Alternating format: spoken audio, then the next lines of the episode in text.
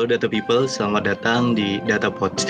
Data Pods adalah official podcast dari komunitas Data Science Indonesia yang memberikan informasi seputar data ekosistem di Indonesia. Uh, mulai dari sharing session seputar data, interview dengan data person, dan memberikan informasi terkini tentang perkembangan data di Indonesia. Perkenalkan, nama saya Rulianto Yahya yang akan menjadi host pada episode kali ini.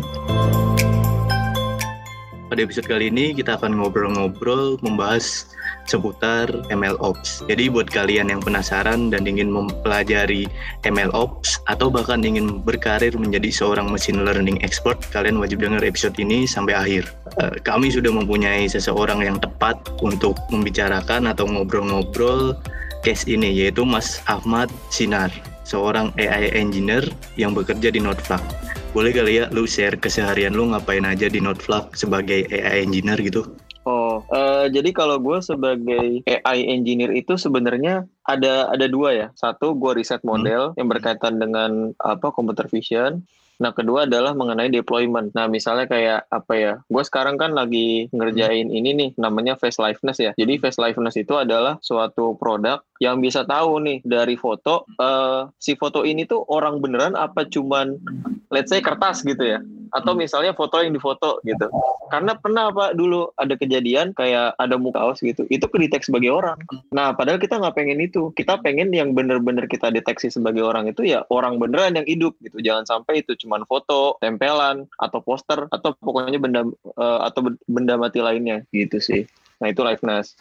Nah uh, di liveness itu gue kerja sama uh, lead dari uh, AI di Noteflux. Hmm. namanya Iman. Dia itu di, di divisi face ya. Face and uh, life life uh, inilah ya. Benda-benda hidup lah. Jadi di Noteflux itu dibagi dua. Mati sama benda hidup gitu. Eh benda hidup. Makhluk hidup sorry jadi kita bagi-bagi tugas gitu lah insight satu sama lain. Oh dia ngeriset bagian ini nih image quality-nya gitu. Oh kalau gue uh, ngeriset buat bikin uh, model klasifikasinya gitu. Nah tapi nanti biasanya karena gue sebagai engineer gue tuh punya kewajiban untuk melakukan deployment. Jadi nanti model tersebut itu uh, gue deploy ke cloud yang nantinya itu bisa dipakai sama si klien gitu sih. Gitu. Berarti mengidentifikasi dari apa ya gambar gambar contohnya gambar orang itu tuh benda mati atau makhluk hidup gitu ya? Iya, intinya sih begitu. Oke, boleh. Oke, mungkin uh, kita udah ngasih contoh ya tadi. Sebenarnya itu kayak lumayan udah jauh juga. Nah, buat para pendengar yang belum ngerti atau belum tahu tentang ML Ops ini, kira-kira ML Ops ini kalau kami gimana tuh mas kira-kira? MLOps itu kalau gue nganggapnya sih sebagai suatu paradigma ya untuk ngebangun suatu produk machine learning. Nah, dengar terus mengenai dev, DevOps kan ya? Hmm. Ya, development dan operations. Nah, sebenarnya itu mirip, mirip banget. Bedanya adalah kalau kita ngomongin machine learning, itu kita ada dua komponen tambahan Pak, selain dengan codingan. Hmm. Yaitu adalah satu dataset, kedua adalah model. Nah, ini yang menarik gitu. Karena kalau di tradisional software development kita cuma punya codingan hmm. yang itu kita maintain, ya kan. Nah, sedangkan kalau kita ngomongin product machine learning, selain atau buat nge-run si modelnya, kita juga punya model dan datasetnya. Dan tiga itu saling terkait satu sama lain. Nah, itulah yang ngebuat developmentnya menjadi tricky dan butuh paradigma baru untuk uh, di-develop gitu sih jatuhnya. Nah, mungkin ada yang bertanya, untuk apa sih ada MLOps ini gitu kan ya? Yep. Nah, uh, gue coba refer ke orang orang yang lebih eh, udah lebih senior lah dibanding gue ya, udah lebih abang-abangan dan dia bukan orang Indonesia juga. Abang Namanya itu abang-abangan, padahal cewek.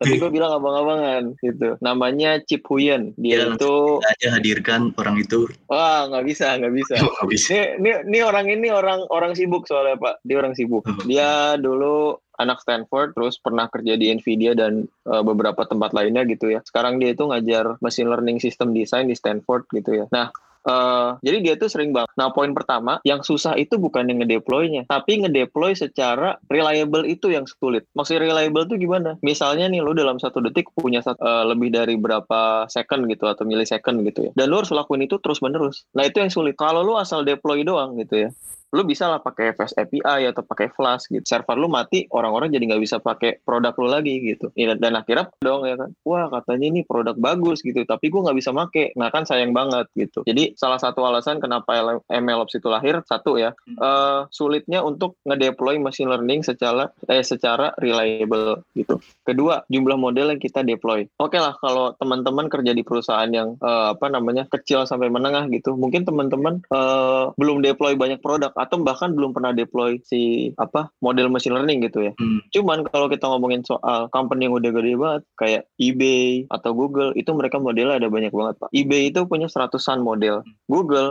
itu ada sepuluh ribu sepuluh ribuan model. Nah, bayangin effort yang harus kita lakuin ketika kita punya sepuluh ribu model. Gimana caranya lu bisa terus nge-trading model lu? Gimana caranya lu bisa terus ngelakuin inference? Gimana caranya biar servisnya itu nggak mati gitu? Oke lah, mungkin mati nggak apa-apa, cuma nanti dihidupin lagi gitu. Nah, intinya gimana caranya kita nge-maintain sistem yang masif tersebut? Hmm. Itu alasan kedua. Alasan ketiga, nggak ada ceritanya model lu itu akan terus bagus. Di mana pun sama di seluruh dunia. Jadi, memang pada dasarnya ketika model lu awal-awal di deploy itu hasilnya akan bagus. Tapi over time kemungkinan besar model itu akan menjadi semakin jelek. Learning yang sekarang itu bagus dalam uh, apa ya? Dia itu nggak bisa ekstrapolasi jatuhnya. Dia bagusnya dia udah punya banyak example gitu buat belajar ya. Nah ketika itu masuk ke kategori yang mirip-mirip yang pernah dia pelajarin, dia ngerti. Cuman kalau udah ada yang beda banget sama yang dia pelajarin, dia nggak ngerti. Nah sedangkan manusia itu kan unik ya. Hmm. Misalnya kita uh, bikin liveness gitu ya. Kalau yang tier satunya gitu ya, tier paling bawah gitu kan, misalnya orang pakai topeng biasa aja nih ya kan. Misalnya pakai topeng uh, misalnya dari print out gitu ya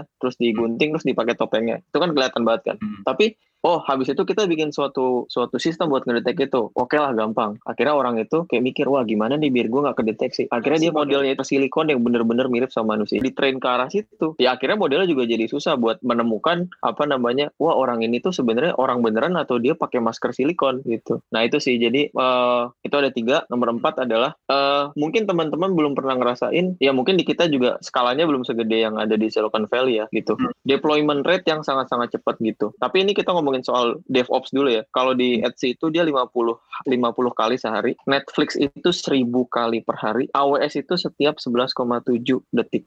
Bisa dibayangin deployment itu terjadi terus-menerus. Dan kalau teman-teman nggak punya cara buat ngehandle-nya, ya teman-teman nggak akan bisa nge-deploy sebanyak itu gitu. Bisa dibilang semakin banyak deployment yang dilakuin berarti semakin cepat update juga yang dilakuin kan. Semakin banyak juga update. Maka dari itu untuk machine learning kita perlu suatu paradigma atau sistem yang bisa uh, membuat development proses itu menjadi lebih enak, menjadi lebih automated. Sebenarnya gue ngutip dari source di internet ya, kayak hanya 22% perusahaan yang menggunakan machine learning uh, cuma jadi sukses modelnya itu cuma 20% dari semua perusahaan yang ada di uh, perusahaan yang mengadopsi machine learning. Kayak yang dijelasin lo tadi mungkin ada ada apa namanya deploy rate gitu ya. Susah gitu ya. Iya bisa dibilang kayak gitu juga gitu. Betul betul banget. Gitu sih. Terus lo tadi ngutip apa itu si abang-abangan lo itu yang oh, kuliah iya. di Stanford kan itu kan ya Stanford di luar negeri udah oke okay lah ini tuh ML Ops di Indonesia tuh sebagai sesuatu yang baru atau kayak gimana mas? Hmm kalau gue bilang sih masih belum banyak role terkait dengan MLOps ini sendiri ya. Yeah. Nah perlu di highlight dulu. Kalau di sini gue konteksnya adalah sebagai product owner dari MLOps. Jadi hmm. pekerjaan gue tuh sekarang ada dua, sebagai AI engineer dan juga sebagai uh, product owner dari MLOps platform gitu. Nah sebagai product owner gue itu lebih ke arah product management gitu. Tapi di sisi lain sebenarnya idealnya itu ada juga MLOps engineer, hmm. ada sendiri gitu. Dia yang ngelakuin codingan, dia ngelakuin otomasi gitu. Tapi kalau dari gue mungkin uh, sebagai product owner owner itu yang bikin roadmapnya kayak oh nanti lu bikin ini nih di bulan ini nih lu bikin A B C D di bulan ini oh yang ini gak usah dibikin dulu nih nanti nanti aja. Nah itu sih kalau product owner kayak gitu jatuhnya. Dan uh, mungkin kalau gue lihat sih balik lagi ke kebutuhan ya. MLOps itu lahir ketika memang kebutuhan untuk deployment itu kebutuhan untuk development itu banyak dan cepat gitu. Kayak tadi ya di Google ada 10.000 model bayangin kalau kita pakai cara manual, mati pak. Lu butuh berapa ribu orang buat nge-maintain itu setiap hari kan. Berarti orangnya nggak istirahat gitu kan. Hmm. Ada shift pagi, shift siang, shift malam ya kan. Hmm. Sama satu lagi shift senja ya kan. Yo. Nah itu sambil ngopi-ngopi kan anak senja gitu. sambil santuy gitu kan di gunung ya kan. Nah. Ya kali di gunung nggak tuh. Nah, iya. iya, lagi liburan ceritanya lagi liburan. Nah, itu kan nggak possible buat dilakuin, Pak. Nah, sebenarnya si MLOps itu adalah proses otomasi uh, sehingga manusia ini semakin sedikit apa namanya uh, kerjaannya gitu. Hmm. Misalnya kita ngomongin soal deployment ya. Kalau kita nggak pakai CI/CD gitu ya, ada namanya continuous improvement, continuous dev, uh, delivery gitu ya. Kalau kita nggak pakai CI/CD, kita deploymentnya itu jadi ribet, Pak. Atau kita nggak usah jauh-jauh deh, kita pengen ngetes uh, uh, si model kita gitu ya. Mungkin teman-teman masih ada yang ngetes pakai cara manual gitu ya, termasuk gue juga ya. Sering kali gue ngetes pakai cara manual. Cara paling manual adalah apa? Cara paling manual ya di run aja biasa terus kita lihat hasilnya itu cara paling manual dan bisa dibilang cara yang paling bodoh gitu. Tapi bukan berarti itu salah, tergantung sikon juga. Tapi in most case, bagusnya adalah kita bikin semacam unit test di mana itu kayak uh, kita nge-define suatu test case dan kita define juga kunci jawabannya apa gitu. Nah, ketika function kita itu udah sesuai dengan test case, baru kita deploy gitu. Dan ini prosesnya sebisa mungkin otomatis gitu. Jadi yang yang dilakukan oleh engineer-nya adalah oh engineer itu ngoding test case-nya tadi sama nge-define si parameter dari CI/CD-nya. Nanti otomatis dia akan ke deploy sendiri gitu. Nah, tapi sebelumnya adalah tanpa pakai CI/CD gitu. Si engineer itu ngetik-ngetik sendiri gitu loh. Oh, kalau gua masukin gambar ini nih, gambar A hasilnya apa nih gitu gitu. Kalau gue masukin gambar B hasilnya apa gitu. Atau ketika function ini uh, misalnya gini, function A itu input parameternya misalnya integer gitu ya. Nah, terus dites lagi misalnya dia parameternya itu float gitu misalnya. Nah, itu berbalik lagi ke dalam test case-nya dia. Ini uh, harusnya behaviornya kayak gimana nih gitu. Apakah harus integer, apakah harus float dan segala macam. Nah, itu bayangin itu buat satu bagian kecil dari produk. Nah, ketika kita punya ribuan produk, kita nggak mungkin ngelakuin hal itu terus-menerus. Nah, makanya dibutuhkanlah ML Ops gitu. Nah, jadi kalau jawaban singkatnya adalah apakah ini sesuatu hal yang baru di Indonesia? Kemungkinan besar iya, karena memang kebutuhannya juga baru muncul gitu. Tapi once kebutuhannya udah misalnya udah mature gitu ya, atau let's say lima tahun lagi, 10 tahun lagi, uh, perusahaan-perusahaan udah mulai aware dengan menggunakan machine learning, udah ngedeploy model udah ratusan sampai ribuan. Ya bisa dibilang kalau dari aku sih mungkin bagusnya pakai paradigma MLOps ya. Kalau enggak ya udah kalian akan terjebak dengan proses development yang terlalu manual gitu. Jadi orang-orangnya nggak bisa istirahat sama sekali gitu sih. Pendengar, teman-teman pendengar data pods yang anak senja banget cocok nih jadi MLOps. Jadi ya. semuanya bisa pergi ke gunung dengan santuy. Betul. Tapi ini serius loh, tapi ini serius. Di yeah. Tesla itu ada namanya operation vacation yeah. di Tesla. Jadi mereka itu uh, punya sistem di mana uh, biasanya kan kalau anotasi data set itu kan manual kan ya. Hmm. Nah, padahal itu proses yang salah satu proses yang paling painful dan paling ribetin ya kan. Selain itu juga ada proses tadi ya deployment, testing segala macam ya kan. Proses training juga termasuk training ya kan. Itu kan biasanya ada ada manusia nih yang uh, apa ngemonitor gitu, yang ngelakuin script, yang run scriptnya gitu kan. Yeah. Nah, kalau di Tesla itu udah hampir semua automated. Jadi bahkan mereka nyebutnya operation vacation. Mereka liburan pun modelnya itu nge-update sendiri, deploy sendiri. Gila nggak tuh? Operation Vacation, mantap ya. tuh? mantap. Bedanya kalau mereka belum tentu ini Pak, mereka bukan anak senja sayangnya Pak. Iya, mungkin anak malam kali ya. Anak malam dia, kurang asik lah, kurang asik. gitu. Terus lo kalau kan di eh lanjut deh lanjut lanjut. Oh iya, uh, kalau nggak percaya bisa nonton di Tesla Autonomy Day itu si uh, eh, AI apa namanya leadnya si, hmm. si Andre Karpati jelasin kok tentang hal itu. Jadi bisa dilihat sendiri di YouTube. Terus kan lu Noteflag uh, kebanyakan B2B ya mas? Iya betul. Kayak bangsa pasar untuk ML Ops atau machine learning ini kira-kira gimana tuh? Kayak udah uh, ngejawab kita udah mulai rame kah? Atau udah mulai sadar gitu loh? Kita tuh butuh ML Ops gitu untuk sekarang biar perusahaannya bisa sustain sampai 5 atau 10 tahun lagi gitu. Ya uh, jadi ya kebetulan gara-gara ada kebutuhan itu akhirnya role ini pun juga jadi muncul gitu sih. Karena sebelum-sebelumnya uh, Notflux belum sadar bahwa salah satu strategi untuk memenangkan pertempuran itu adalah dengan mengotomasi proses development sampai deployment hmm. gitu. Nah sekarang ya alhamdulillahnya udah apa namanya effortnya udah uh, mulai terbentuk gitu ya. Jadi kita jatuhnya sekarang lagi siap-siap sih gitu. Kita nggak bilang kita yang terbaik atau terhebat gitu. Cuman kita ya lagi lagi ini aja lah apa lagi berusaha aja lah gitu.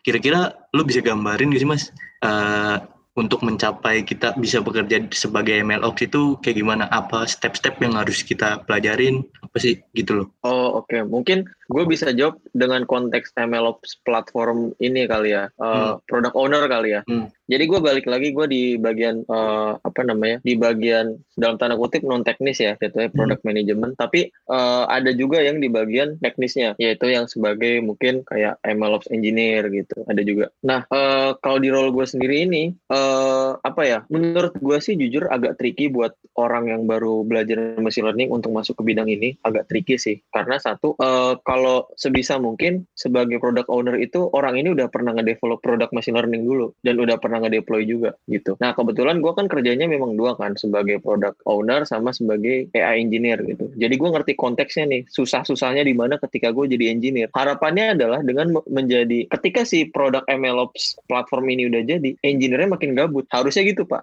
gitu karena semuanya udah automated. Nah itulah makanya uh, sebenarnya irisannya gede banget antara uh, eh, AI engineer sama MLOps platform gitu ya, hmm. gitu. Dan di sini gue sebagai product owner yang jatuhnya ngerancang roadmapnya, yang ngerancang developmentnya itu uh, pertama harus ngerti banget konteks dari training uh, eh bahkan dari sebelum training dari dari collection data data collection dulu terus gimana anotasi habis itu konteks ngerti training juga terus ngerti juga konteks apa namanya de, uh, deployment terus ya itu aja sih sebenarnya. Cuman mungkin uh, pemahaman gue nggak harus terlalu dalam. Hmm. jadi gue perlu tahu banyak hal tapi gue nggak terlalu dalam. Jatuhnya gitu sih yang gue rasain gitu. Tapi gue mungkin uh, ada bagian yang gue cukup dalam yaitu bagian training. Kalau bagian training model bagian inference itu gue udah ibaratnya udah udah di luar kepala lah gitu. Tapi kalau buat bagian deployment gitu ya atau bagian data collection gitu atau data annotation ya gue cukup tahu tapi gue nggak tahu sebanyak itu karena gue nggak pernah ada di role tersebut gitu sih. Okay. jadi kalau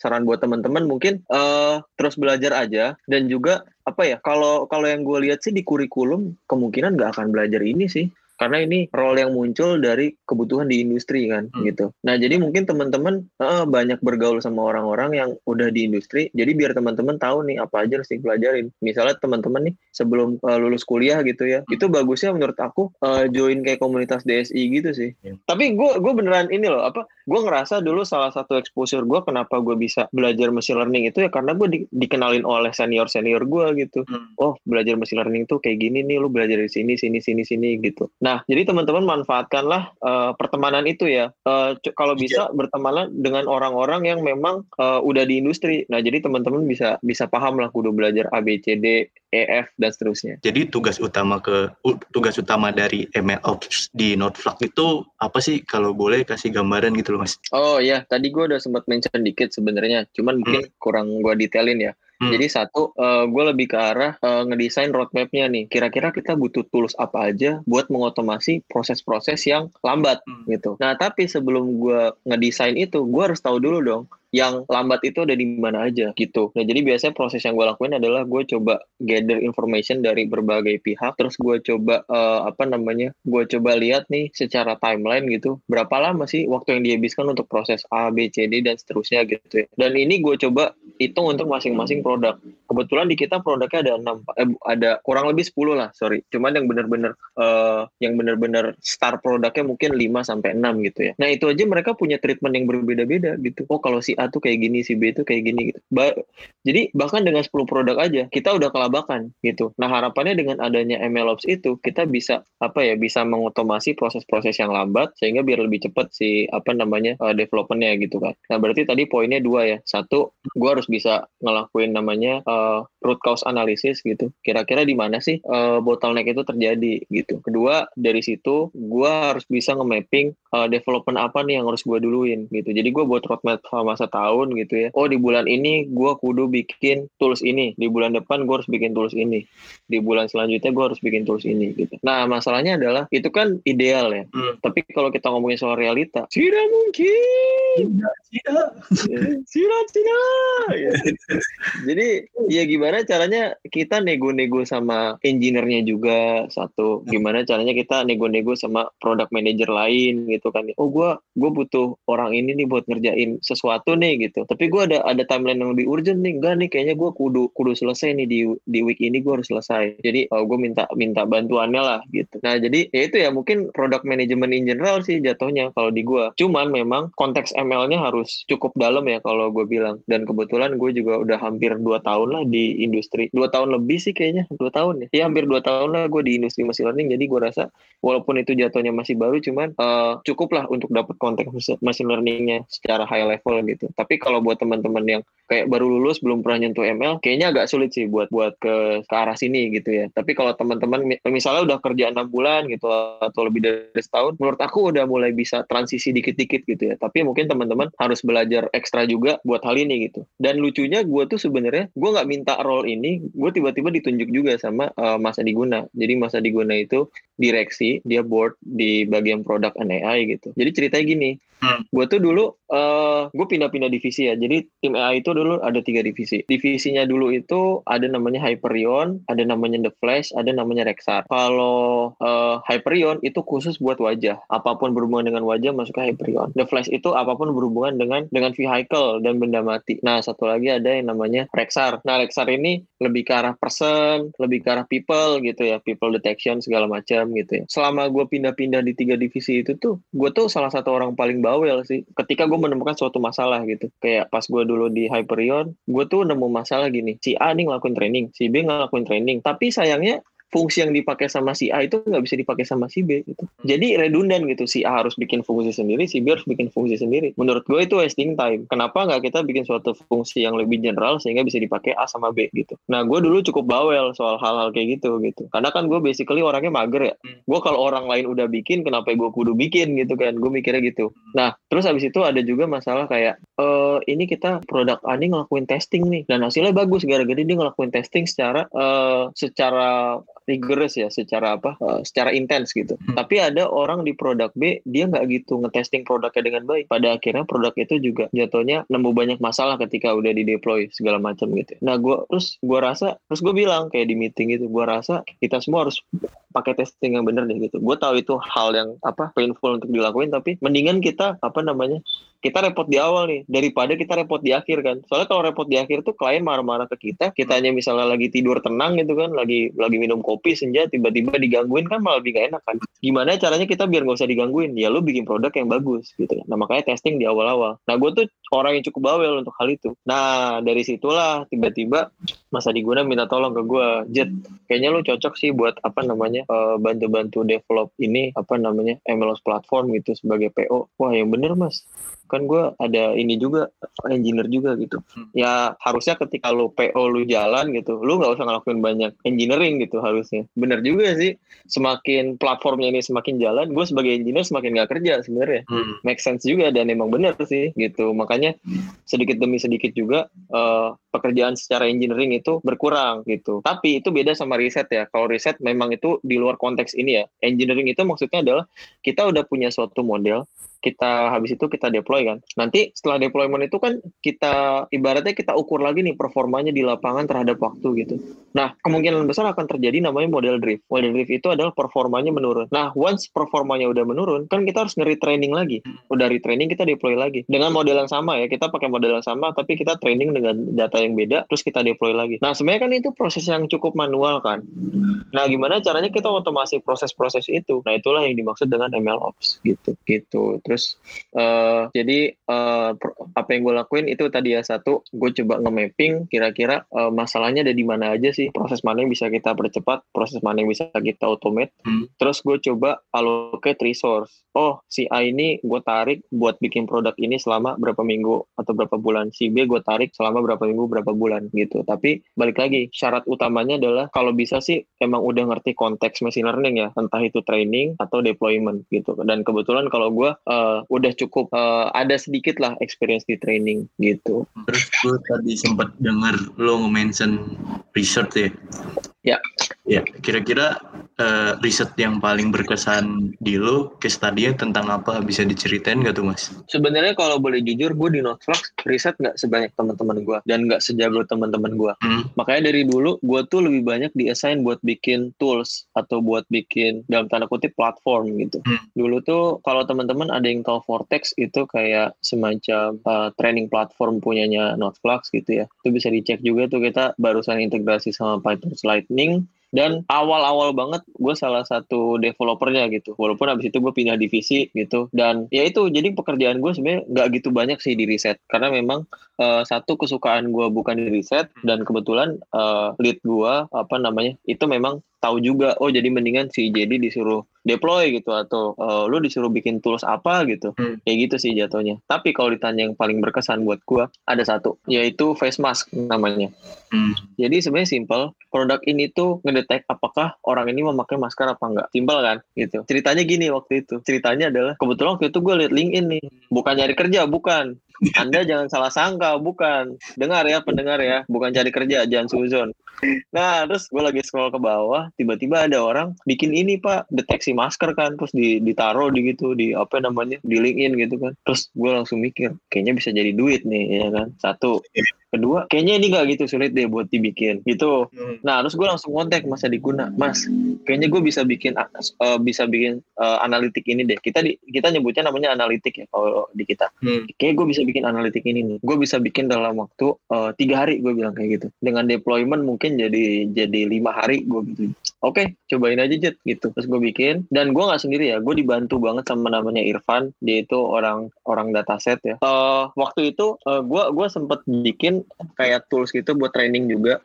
Namanya NFCLS itu bisa dibilang prekursornya prekursornya Vortex lah. Bedanya ini buat image classification doang. Nah jadi gue nggak perlu bikin uh, trainernya lagi. Gue tinggal ganti data terus gue training. Selesai. Makanya gue bisa dalam dua hari gue udah bisa bisa ngasih hasil yang cukup cukup ya untuk masa diguna. Habis itu di apa namanya diliatin ke board segala macam di pitching wah ini bisa jadi solusi COVID nih ya kan. Yeah. Dan nggak lama kayak ya udah ini kira-kira kapan bisa dideploy gitu. Terus waktu itu gue inget banget bahkan Sabtu Minggu pun gue masih ngedeploy juga tuh Sabtu Minggu pada saat itu kayak full seminggu full kerja nggak ada nggak ada istirahat pada saat itu kayak. Yeah. Tapi worth it banget sih gitu. Karena setelah karena bener-bener developmentnya itu secepat itu pak. Paling lama dua minggu lah paling lama banget. Hitung-hitungan gue kayak tujuh harian gitu, tujuh sampai sembilan hari gitu. Cuman gue gue takut salah juga. Jadi mungkin gue sebut dua minggu gitu. Dan setelah itu uh, produknya di deploy habis itu sempat ada masalah juga. Jadi kita waktu itu uh, dapat di Jawa Timur ya kan? Dapat di Jawa Timur buat solusi COVID sama Pak Emil Dardak gitu kan pakai produk kita. Sayangnya tuh ada masalah tuh. Wah gue langsung fixing dalam waktu dua hari. Habis itu nggak ada masalah lagi. Kayak itu produk yang bener-bener gue ngerjainnya cepet banget karena memang tools-tools yang ada tuh udah siap. Nah dari situ gue tuh mikir gimana kalau kita tuh nyediain tools-tools ini buat semua analitik gitu. Hmm. Jadi biar kita nge-training tuh cepet, nge-deploy juga cepet gitu. Jadi kita bisa lebih nyantai gitu. Bayangin lo, dulu gue soalnya pernah bikin model tuh kayak sampai tiga bulan gitu. Pernah gue bikin. Ini gue cuman habisin waktu cuman paling lama dua minggu lah. Gitu. Jadi kebanggaan gue di situ sih. Menurut gue itu salah satu produk yang baik karena development time-nya cepat dan dan dapat duitnya juga lumayan gitu. Mungkin nggak segede face recognition atau nggak segede ALPR gitu. Tapi secara cost of development dia kecil banget. Itu sih yang yang jadi kebanggaan gue gitu. BTW datasetnya berupa apa mas? Foto atau gimana sih? Iya datasetnya berupa foto. Kebetulan di kita itu kan ada kamera juga tuh yang dipasang di kantor. Nah kita pakai dataset itu sebenarnya gitu. Jadi apa eh, kita pakai dataset orang-orang kantor dan kita juga minta di sisi lain kita juga minta data dari orang-orang kantor gitu lagi pakai masker gitu lagi nggak pakai masker kita minta juga gitu sih. Sebenarnya gue belum kegambar sih mas uh, output dari pekerjaan seorang ML Ops kalau data analis kan seperti yang udah dibahas di episode 20 outputnya itu kurang lebih insight dari sebuah data yang menjadi keputusan untuk strategi selanjutnya kan. Nah kalau ML Ops ini sendiri apa? Nah balik lagi kalau gue tuh di sini MLOps platform uh, product owner ya. Jadi kata-katanya platform. Di hmm. sini yang gue provide adalah tools atau library yang dipakai sama engineer kita sehingga tugas mereka jadi lebih mudah gitu. Contohnya apa? Contohnya tadi Vortex yang sempat gue mention. Kayak dulu gue nge-training model itu lama pak. Sebenarnya kan harusnya secara secara intuitif kan kita ganti data doang pakai pakai apa trainer yang lama udah bisa jalan dong gitu. Tapi kalau kita nggak ngedesain si si framework tersebut dengan dengan tidak baik gitu ya, ya kita jadi nggak bisa ngerius codingannya gitu. Harus ada banyak yang kita rubah juga. Nah jadi poin poinnya adalah kita bikin tools atau bikin apa ya yaitu library framework di mana kita bisa lebih cepat dalam melakukan pekerjaan sebagai engineer gitu. Entah itu AI engineer atau di backend engineer-nya yang ngedeploy gitu sih gitu. Jadi jatuhnya library ya gitu. Kayak codingan aja gitu. Tapi codingan itu dipakai sama orang lain biar uh, kerjaan dia lah jadi lebih mudah gitu. Kalau rekomendasi itu termasuk output atau gimana ya kayak kita kan sekarang hidup di zaman rekomendasi sistem ya. Kayak di Netflix kayak di YouTube bahkan GoFood juga ada kan. Kayak Netflix contohnya ketika lu nonton film ini pasti film yang bakal lu tonton film selanjutnya itu bakal muncul di rekomendasi sistem dengan genre misalkan sama gitu kan ya. Hmm. Itu tuh termasuk output dari ML Ops atau kayak gimana tuh Mas? Iya, secara tidak langsung itu menurut gue sih iya sih gitu. Karena uh, tadi ya gue sempat mention MLOps itu sebenarnya oh ada satu term yang dari tadi belum gue sebut tapi sebenarnya itu penting banget namanya ML life cycle. Jadi gimana caranya kita ngedevelop suatu produk machine learning secara terus menerus gitu. Nah, gue nggak percaya 100% 1000% kalau si produk-produk ini nggak diupdate. Pasti diupdate. Contohnya apa? Contohnya recommender system. Recommender system itu update-nya kan bisa dibilang setiap saat kan. Kayak lu udah nonton misalnya lu nonton Harry Potter gitu ya so eh jangan Netflix deh kita lihat kita contohin YouTube aja ya. Lu nonton Yonglek misalnya ya. Hmm. lu nonton Yonglek sekali rekomendasi lu udah udah ini pak. Apa namanya? Udah isinya Yonglek semua tuh ya kan? Gitu kan. Terus habis itu tapi lu ganti lagi nih genrenya. Oh gue nggak mau nih ngeklik yang Yonglek Yonglekan gitu ya. Lu akhirnya ganti lagi gitu misalnya. Uh, lu karena ini Ramadan gitu kan lu cari-cari gitu kan misalnya gitu ya oh lu mau lihat tausiah gitu nanti lama-lama apa namanya ya habis itu fit lu juga ke arah situ juga gitu iya. Nah itu uh, recommender system memang dari built-in itu secara apa? Secara umum mereka emang uh, apa ya? Bisa dibilang update-nya itu online sih. Mereka ngupdate model sih secara online. Soalnya gini, kalau machine learning itu kan dia jatuhnya menurut analisa gue doang nih. Jadi sebagai disclaimer gitu ya. Mohon maaf nih kalau ada salah kata. Tapi pertanyaannya gini, lu butuh MLOps apa enggak gitu? Kalau gue jawabnya gini, ketika lu butuh modelnya ini butuh diupdate secara terus menerus dan secara cepat dan apalagi model lu banyak, ya lu kemungkinan besar harus harus pakai MLOps. Hmm. gitu. Kalau enggak ya lu repot sendiri pak gitu. Jadi bisa bisa gue apa namanya sedikit simpulkan ya kesimpulan sementara gitu ya. Ya kayak YouTube Netflix GoFood gitu apalagi yang recommender eh, intinya recommender system lah ya. Mereka tuh pakai MLOps nah sebenarnya juga gue belum mention bahwa MLOps tuh ada levelingnya juga pak. Jadi ada level 0 level 1 level 2 nah itu yang ngedefine bukan gue tapi dari Google itu bisa dilihat sendiri gitu nah si Google ini mengklasifikasikan level itu berdasarkan tingkat otomasi dari proses-proses tersebut. Semakin uh, terotomasi prosesnya, levelnya semakin tinggi. Nah, recommender system itu salah satu sistem yang kemungkinan besar mencapai level 2-nya itu cukup mudah. Kenapa? Karena kan kalau machine learning itu kan di training itu kan pasti harus kalau kita ngomongin supervise ya, kita kan ngom, harus ada targetnya ya nggak sih? Kita mm-hmm. punya data buat fitur-fiturnya gitu ya, X-nya sama Y-nya sebagai target gitu kan. Nah, kalau kita ngomongin paradigma yang biasa, berarti kan terus ada orang dong yang menganotasi ya kan. Mm. Oh, ini si orang ini jawaban jawabannya 0 atau 1 atau segala macam ya kan. Tapi kalau MLOps level 2 ini lebih canggih lagi Pak. Dia itu minta si usernya sendiri buat nge-anotasi atau memberikan target. Gimana caranya? Ya udah, ketika lu ngeklik suatu rekomendasi, itu kan berarti uh, lu memberikan suatu target kayak oh ini tuh prediksi lu tuh bener apa salah nggak sih? Atau prediksi lu ini udah, udah tepat apa belum gitu. Jadi enaknya kalau kita ngomongin rekomendasi sistem, malah itu buat jadi level 2-nya malah jadi gampang gitu. Karena instead of lu bayar orang buat buat nganotasi data lu, lu nyuruh user lu buat nganotasi data lu. Mungkin juga ya, mungkin juga. Gue nggak tahu juga. We never know for sure. Tapi kayak uh, misalnya kayak kalian pernah nggak sih? Misalnya di kayak ada misalnya kalian dianggap sebagai robot nih. Kan dia ngecek Google nanya apakah anda robot? Ya yeah, gitu kan. Terus disuruh ngotak suruh suruh mencet ini nih kayak misalnya ada grid gitu 9 kali 9 ya uh, select semua yang uh, yang berkaitan dengan rambu-rambu lalu lintas gitu kan. Akhirnya lu lo pencetin ini kan rambu-rambu lalu lintas gitu. Ya gua gua nggak tahu ya mereka pakai data itu buat apa gitu. Apakah bener-bener verify lu human apa enggak atau data itu dipakai juga buat proses uh, apa namanya? proses anotasi juga. Gue juga nggak tahu sih. Pertanyaan terakhir ya, Mas. Oke. Okay. Uh, eh, pesan eh kesan lu pas kesan lu selama kerja dua tahun di bidang machine learning tadi dua tahun kan ya? Iya dua tahun dua tahun. Oke kesan lo kerja apa ya kesan lo kerja di dunia machine learning selama dua tahun dan pesan buat teman-teman yang ingin atau terinspirasi setelah dengar podcast ini uh, menjadi pekerja atau menjadi seseorang yang expert di bidang ML machine learning ini. Oke kalau gue kesannya adalah uh, apa ya? Hmm, kesannya seru sih kalau dari gue sih. Tapi mungkin seru ketika lu ada di tempat yang tepat juga gitu. Hmm. karena gue di Noteflux ini gue ngerasa di tempat yang tepat gitu ya. Maksudnya tempat yang tepat itu bukan cuman soal uh, apa ya gaji atau hmm. soal benefit gitu ya. Kayak BPJS gitu segala macam itu penting juga. Hmm. Cuman mungkin yang gue highlight adalah buat perkembangan diri gue, gue sangat-sangat bersyukur sih ada di Noteflux gitu. Karena gue di apa ya, diberi kebebasan untuk eksplor banyak hal, gue dipercaya untuk ngelakuin banyak hal juga gitu. Dan dari dan gue banyak salah juga tapi gue uh, mau belajar dari kesalahan gue dan untungnya dimaafkan juga gitu ya. Nah kultur seperti itu sih yang sebenarnya gue cari gitu. Nah jadi gue nggak tahu apakah ini gara-gara apa ya gue ada di perusahaan AI atau karena software company in general gitu ya. Tapi yang gue rasain selama gue dua tahun kerja di AI ya jatuhnya apa ya gue belajar banyak sih gitu. Karena tadi ya diberi kebebasan untuk explore untuk gagal untuk salah tapi jangan lupa buat memperbaiki kesalahan lu gitu. Nah itu paradigma yang sangat-sangat apa ya gue sukain. Dari dulu gue memang memang megang itu pak dulu zaman kuliah nih gue diajarin kan lebih baik minta maaf dibanding minta izin. Ini beneran, nggak bohong. Gue diajarin itu pas zaman kuliah. Hmm. Dan itulah yang gue lakuin sekarang gitu. Dan ternyata memang kulturnya kalau gue lihat seperti itu ya. Karena kalau kita ngomongin machine learning, kita nggak mungkin bisa bener 100% gitu. Hmm. Selalu ada room for error. Karena by design, kita kan belajar dari data ya kan. Hmm. Dari data yang banyak. Ya mungkin aja ada ada anotasi yang salah mungkin. Dari jutaan data lo ada anotasi yang salah